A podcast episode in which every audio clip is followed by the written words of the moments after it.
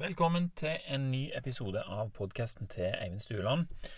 For de av dere som ikke har fått med dere forrige episode, så vil jeg anbefale dere å, å høre på den først. For dere andre kan vi bare sette rett i gang. Når vi stresser, så aktiverer vi det sympatiske nervesystemet. Og I dag skal vi også snakke litt om hva det innebærer. Og Vi skal også snakke om det parasympatiske nervesystemet. Og De to har veldig mye med hverandre å gjøre og utgjør til sammen da det autonome nervesystemet. Og det kan være en veldig nyttig ting å vite hva som skjer med oss når vi domineres av en av de, og eventuelt òg hvordan vi kan aktivere den ene framfor den andre. For når vi ikke vet dette her, ja, da skjer det som skjer, og vi er ikke i nærheten av å oppnå samme kontroll over hva vi opplever og hva vi ønsker å få til, som når vi er i stand til å kjenne igjen hva som karakteriserer disse to tilstandene. Og med kontroll så mener jeg ikke at vi på død og liv skal ha kontroll på alt mulig. Jeg mener at vi blir i bedre stand til å takle de tingene som skjer med oss eller i omgivelsene våre. Eh, hvis vi vet hvordan vi kan kontrollere kroppen vår. Er du med på den? Altså Hvis vi har kontroll på oss sjøl, så er det ikke så slitsomt å takle det vi ikke kan styre. Sånn. Og aktiveringen av det sympatiske nervesystemet det kalles gjerne for fight or flight-responsen. Jeg vet at noen kaller det for flukt eller kjemp på norsk, men jeg får en litt sånn rar følelse uh, av å si det, så jeg kommer til å kalle det for fight or flight-responsen. Stort sett, i alle fall. Uansett, den responsen er en viktig del av hvordan vi har kommet dit vi er i dag. Ikke bare for oss mennesker, men uh, de fleste dyr òg har jo selvfølgelig en eller annen form for fight or flight-respons. Individet reagerer på en fare i uh, sine omgivelser som setter i gang en reaksjon som ved hjelp av diverse prosesser i kroppen da, skal hjelpe individet å handle på en måte som øker sannsynligheten for at det overlever denne faren. Og Fight or flight-responsen den har sørga for at vi har overlevd ganske mye opp gjennom tida, sånn at vi kan være her i dag. Og Denne responsen her, den er jo fremdeles viktig for oss, men vi befinner oss på et helt annet sted enn når dette her systemet utvikler seg. For vårt fight or flight-system utvikla seg sammen med våre forfedre. Og da mener jeg ikke besteforeldrene våre, men de artene som har eksistert her på jorda, og som etter hvert har blitt til Homo sapiens. Og hvis vi skal kunne forstå hjernens funksjonalitet på en riktig måte, så må vi ifølge evolusjonær psykologi forstå egenskapene i miljøet som hjernen har utvikla seg under. Altså miljøet hjernen er evolusjonært tilpassa. Og det er ikke i trafikken, på jobb eller på Facebook, for å si det sånn. Vår hjerne utvikla seg gjennom en periode som kalles for pleistosin, som varte fra 2 588 000 år siden fram til for 11 700 år siden. Så jeg tenkte at eh, før vi begynner å forklare prosessene som foregår når vi blir stressa, så skal vi ta en kjapp tur gjennom noen av de viktigste tilpasningene som har skjedd med våre forfedre gjennom denne her pleistosine-perioden. Hvis det er sånn det uttales, det er jeg ikke helt sikker på ennå. Eh, men du får bare tåle det. For hvis vi skjønner hva de har gått igjennom, og hvorfor de har utviklet seg som de har, så vil det òg hjelpe oss å skjønne hvorfor vi reagerer som vi gjør den dag i dag. Og ja, det er lenge siden pleistocene-perioden var, og det oppleves som om det ikke har noe med oss å gjøre i det hele tatt, men vi har tilbrakt mye tid i denne her perioden, pleostesin, der vi har kasta stein, vi har løpt etter mat, vi har funnet opp verktøy, vi temmer ilden, og vi har ikke minst øvd oss på å være mer sosiale. Sant? Og det er det harde grunnarbeidet våre forfedre har gjort, som sørger for at vi i seinere tid har nytt gleden av innovasjoner som skrift og bøker og strøm, radio, fly, bil, TV, internett, sosiale medier og VR-briller det er relativt lett for oss å lage disse tingene nå, men det er bare takket være grunnlaget som er lagt før oss. sant? Og det tok millionervis av år. Millioner av år der vi har overlevd i miljøet vi har befunnet oss i. Vi har utviklet oss på bakgrunn av vår elskede hjerne, som eh, litt og litt har gjort det mulig for oss å forstå noen viktige ting som har tatt oss videre. sant? Eh, vi har hatt ro til å kunne tenke dette her ut. Ro til å tenke ting og tang. Eh, Eh, det har vi jo da fått av at vi har et effektivt fight or flight-system som har utviklet seg sammen med hjernen vår. Fight or flight-systemet har sørget for at vi ikke tenker så mye når det oppstår en fare, eh, som gjør det nyttigere å reagere enn å tenke. Sant? Fight or flight Da kan du ikke stå der og lure på hva du skal gjøre. Da må du bare få det til å skje med en gang. Og siden vi har et effektivt system som har gjort det for oss, så kan vi komme tilbake når faren er over og tenke litt sant? og finne på ting. Og det er Australopithecus africanus som sies å ha brakt oss inn i denne her pleistocene-tiden. Den levde liksom i Afrika på den tida, og så var det liksom oss da i begynnelsen av den. En av våre første slektninger, eh, sies det, foreløpig iallfall, for eh, arkeologer og forskere de oppdager jo stadig nye ting og kommer stadig til nye konklusjoner. Og For vår del så holder, det, holder det jo da å tenke at dette her var en av de første som begynte å gå på to bein, og som kunne bruke armene sine mer enn noen andre før de. Og Forskjellige versjoner av Australopithecus fantes på jorda i over tre millioner år, så det sier ganske mye om hvor godt tilpassa de var miljøet sitt. Og funnet fossiler av Australopithecus som kan dateres til 3000 Nei, 3000 3 700 000 år siden. Men det var nok ikke fossilene av de første individene fant, sant? så han levde nok før det òg. Og hvis du blir forvirra, sånn som jeg ble første gang jeg hørte om australopithecus, så vil jeg bare si at austral det betyr liksom sør, så det er ingenting med Australia å gjøre. Dette skjedde i Afrika. Uansett så var det disse karene her som satte i gang med bruk av steinverktøy, og det var de òg som begynte å sosialisere seg på et helt annet vis enn hva eventuelt andre tobeinte og mer eh, klatretilpassende individer hadde gjort før de da apekatter og sånt.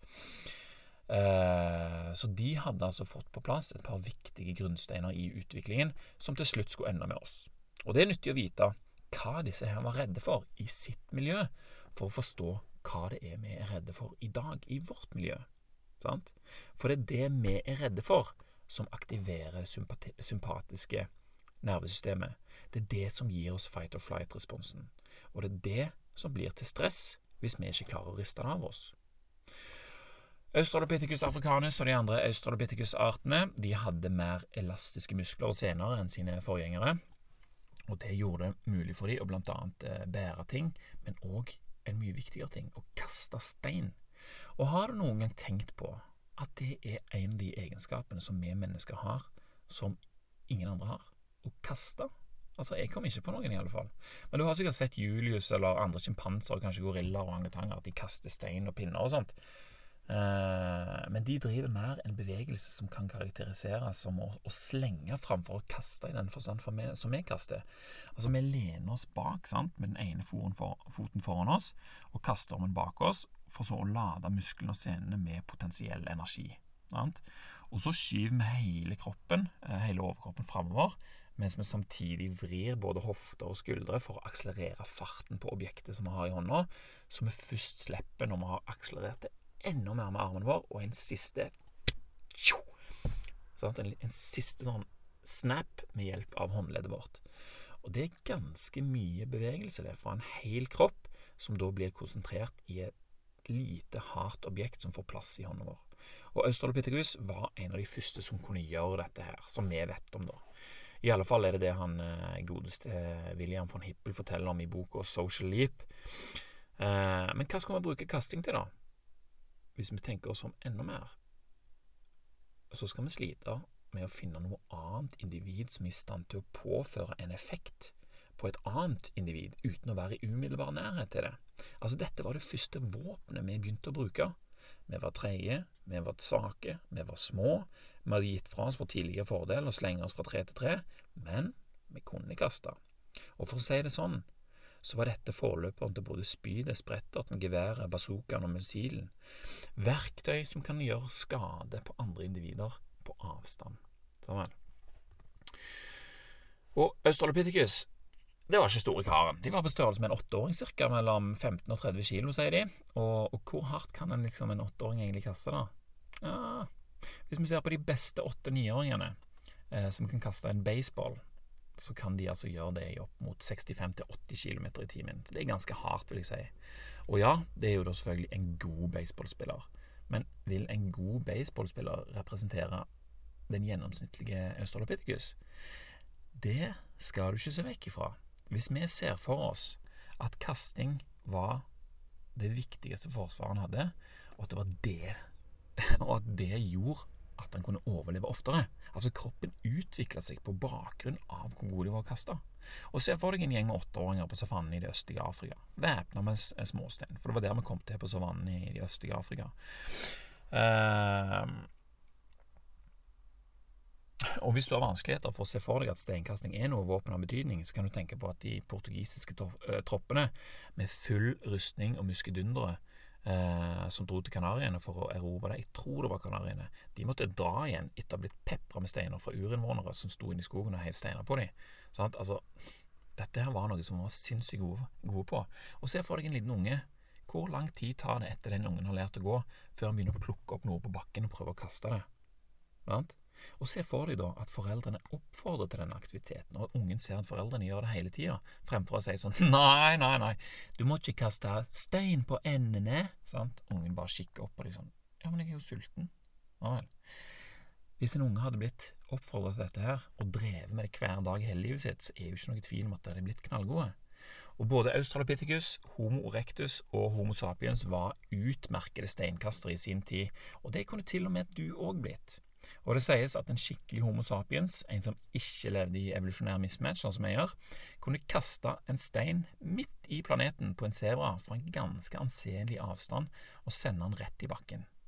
Tenk litt på det. Og så kan du google det om det blir litt for vanskelig å tro, for det måtte jeg gjøre. Jeg trodde ikke helt på det, men hvis du søker på Barbara Isaac Stone Throw Zebra, så skulle du komme til den, eh, de artiklene og eh, de tingene du trenger å finne for å se at dette her er faktisk tilfellet. Selve savannen den kommer jo til når området øst for denne Riftdalen i Afrika sakte, men sikkert steig i høyde av liksom de der tektoniske aktivitetene i området. da, Over tid, selvfølgelig. Så altså, Først var hele området med tett jungel.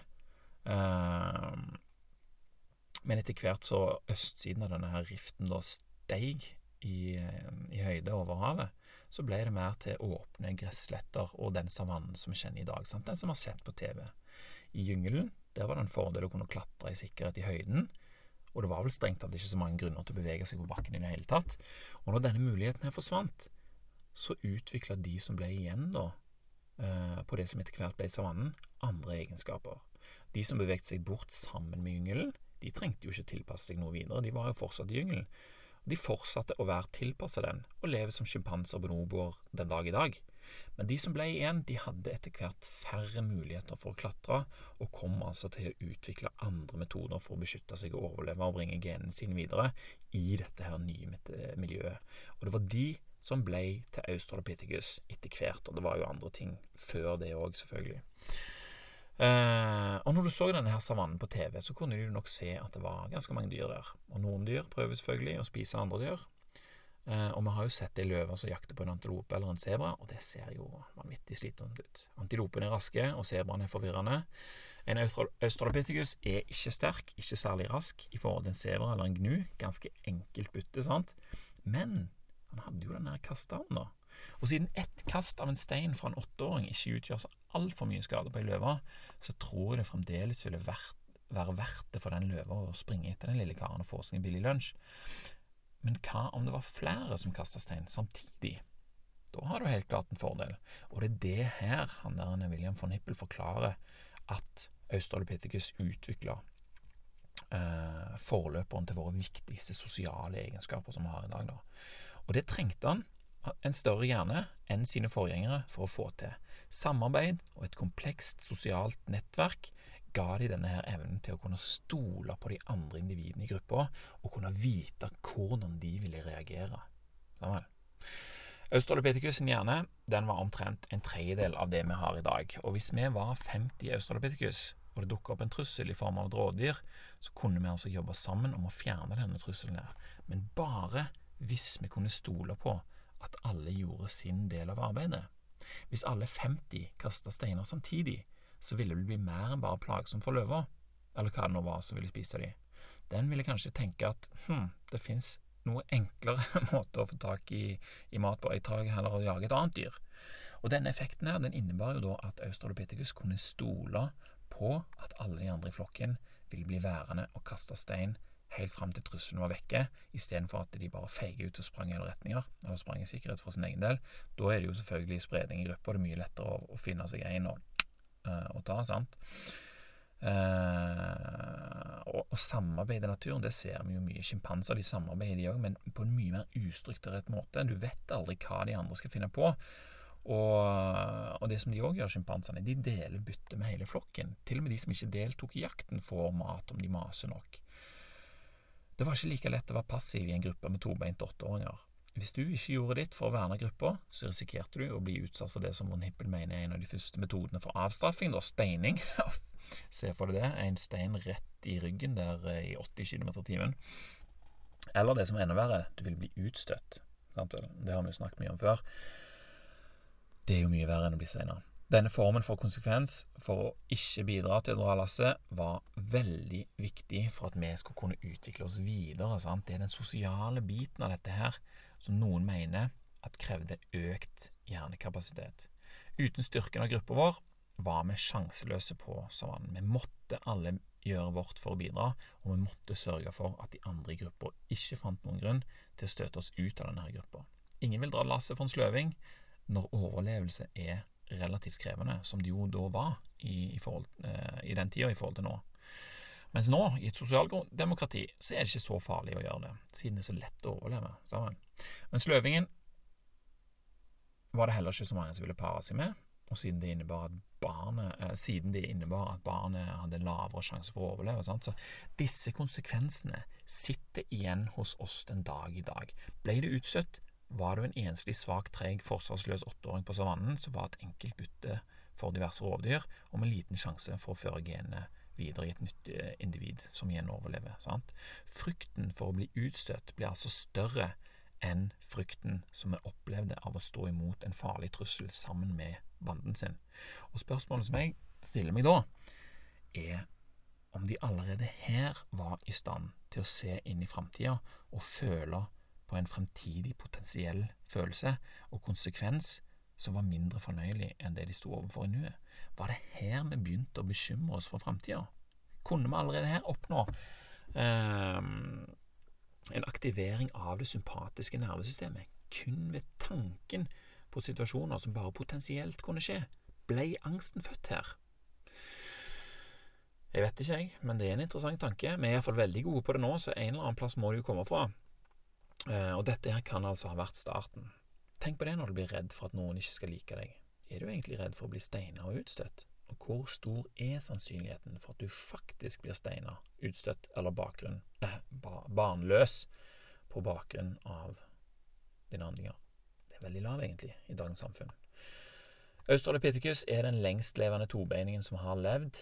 Eh, de sosiale egenskapene vi har i dag, er bygd på de som Australopithecus har utvikla for oss. Sant? Vi er fremdeles livredde for å bli utsatt, og vi er fremdeles opptatt av å gjøre sånn som vi tenker at gruppa vår liker best, selv om det ikke gir samme mening for oss nå som de gjorde da, og i artene som, eh, som var imellom oss og Australopithecus. da.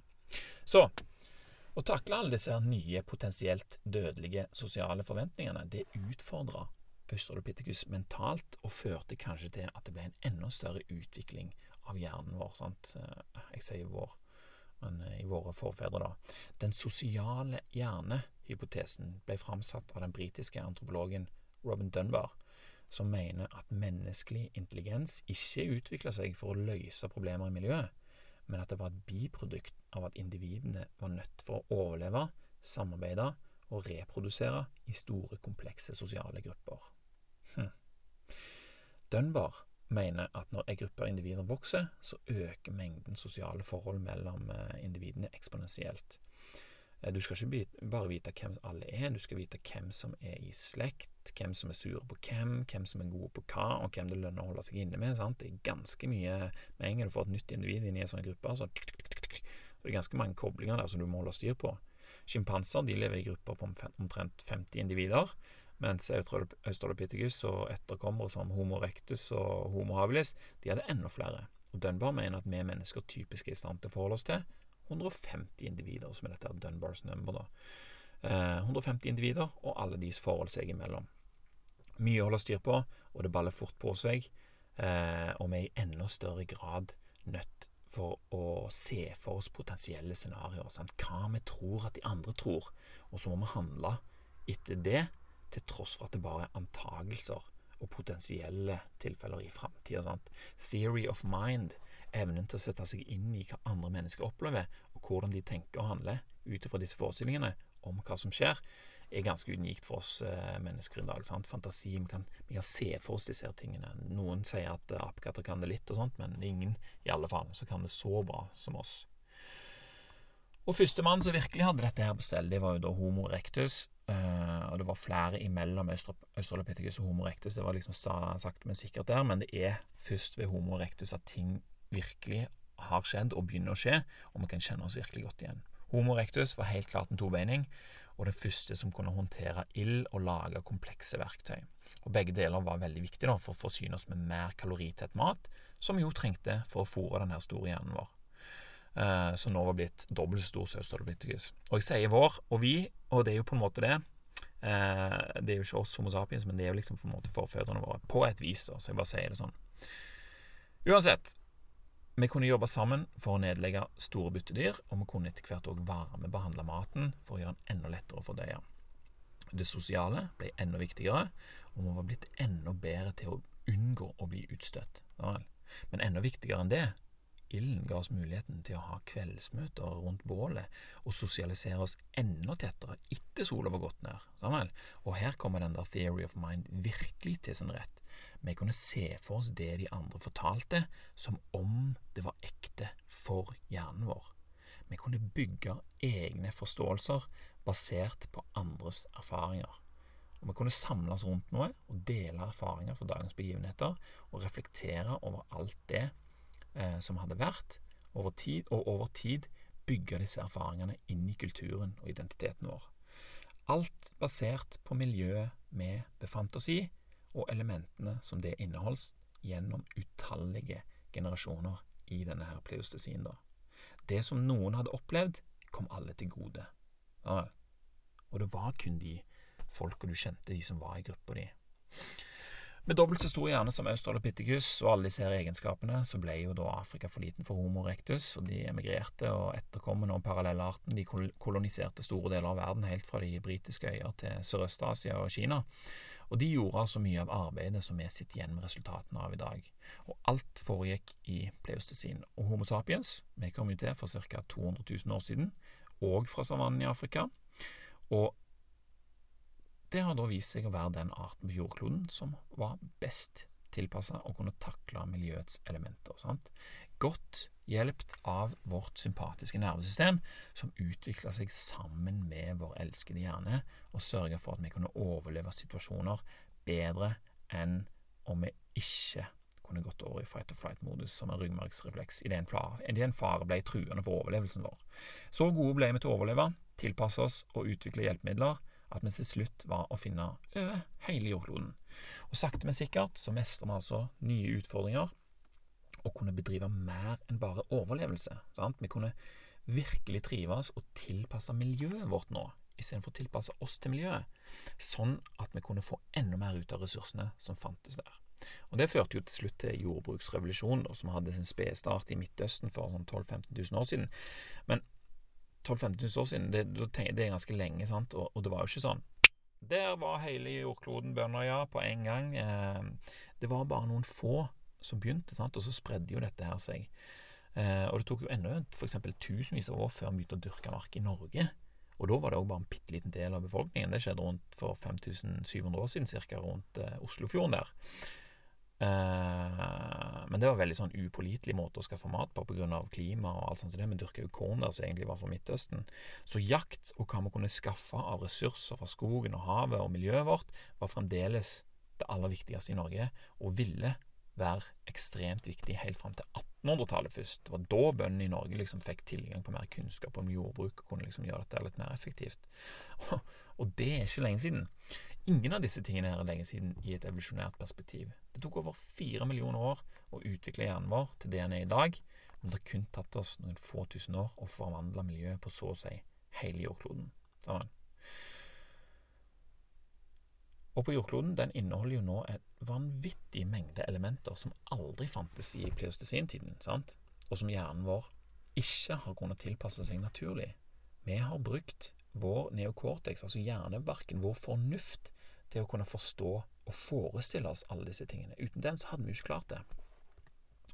Og da kommer jo òg liksom en av de eh, utfordringene våre inn i bildet. For cellene i kroppen, og DNA-et som er inni cellene, de er jo tilpassa livet i pleostesin-tida. Og det miljøet som var der, den oppfatter alle signaler den får fra hjernen og kroppen, som om, man, om det fremdeles er tilfellet. Sant? Det er vår egen oppfattelse av hva som skjer fysisk og psykisk, som styrer hvilke proteiner DNA skal produsere. Proteiner som blir til hormoner og signalstoffer som setter i gang andre prosesser. Og opplever vi noe som vi tolker som skremmende, husk at det er nok at vi tolker det som skremmende, ja, da sender hjernen et signal som setter i gang fight or flight-responsen, sympatiske nervesystemet. Klarer vi å styre den samme hjernen til å endre oppfatning av den samme hendelsen til at det ikke er noe skremmende likevel, da setter vi i sving det parasympatiske nervesystemet, som har som oppgave å bringe oss tilbake til homeostasis, som jo er den tilstanden der kroppen aller best kan tjene hjernens ønsker. Sånn det blir lettere for oss å gjøre det vi har lyst til å gjøre. Og nå innser jeg jo at jeg har prata veldig lenge om masse rart, så jeg endte opp på akkurat samme sted som på slutten av siste episode. Det var ikke helt meninga, men eh, jeg følte for å forklare noen av disse tingene først, og det ble litt lenger enn jeg hadde forestilt meg. Så jeg kunne jo fortsatt nå med en gang med stress og homostasis, men for å slippe å risikere at eh, hodet mitt blir altfor grøtete, så deler jeg dette temaet opp i flere episoder. Men jeg satser på å kunne legge de ut noenlunde på likt, sånn at du kan få gå rett videre og høre mer om hvordan evolusjonær psykologi og evolusjonær mismatch kan hjelpe oss til å takle vårt nåværende miljø på en bedre måte enn når vi ikke vet disse tingene. Sant? Sånn som vi gjør når vi har en kropp som adlyder hjernens ordre, og som har ro og kløkt til å vite hva som er det mest hensiktsmessige neste steg å ta for å komme dit vi ønsker å komme. Sant? For hvis det i vårt miljø nå er unaturlig mange faktorer som stresser oss, og det parasympatiske nervesystemet, det som skal tas tilbake til homostasis, egentlig er vant med å kunne aktiveres når stressfaktoren er vekke, så har vi et problem. For her begynner, i vårt miljø i dag, så begynner stressfaktorene å overlappe hverandre. sant? Tid forsvinner en, og får vi tid til å gå tilbake i homostasis før en ny stressfaktor har satt i gang i tankerekka hos oss om hva vi må gjøre neste uke, og, og hva vi det som han sa til meg på jobben. Altså, de overlapper hverandre hele veien, så du får ikke den der roen til å komme ut av det. Og det er det som er utfordringen. Og det får vi kanskje høre litt mer om i neste episode. Så jeg eh, sier takk for nå, og så får du bare switche rett over på neste om du vil høre mer.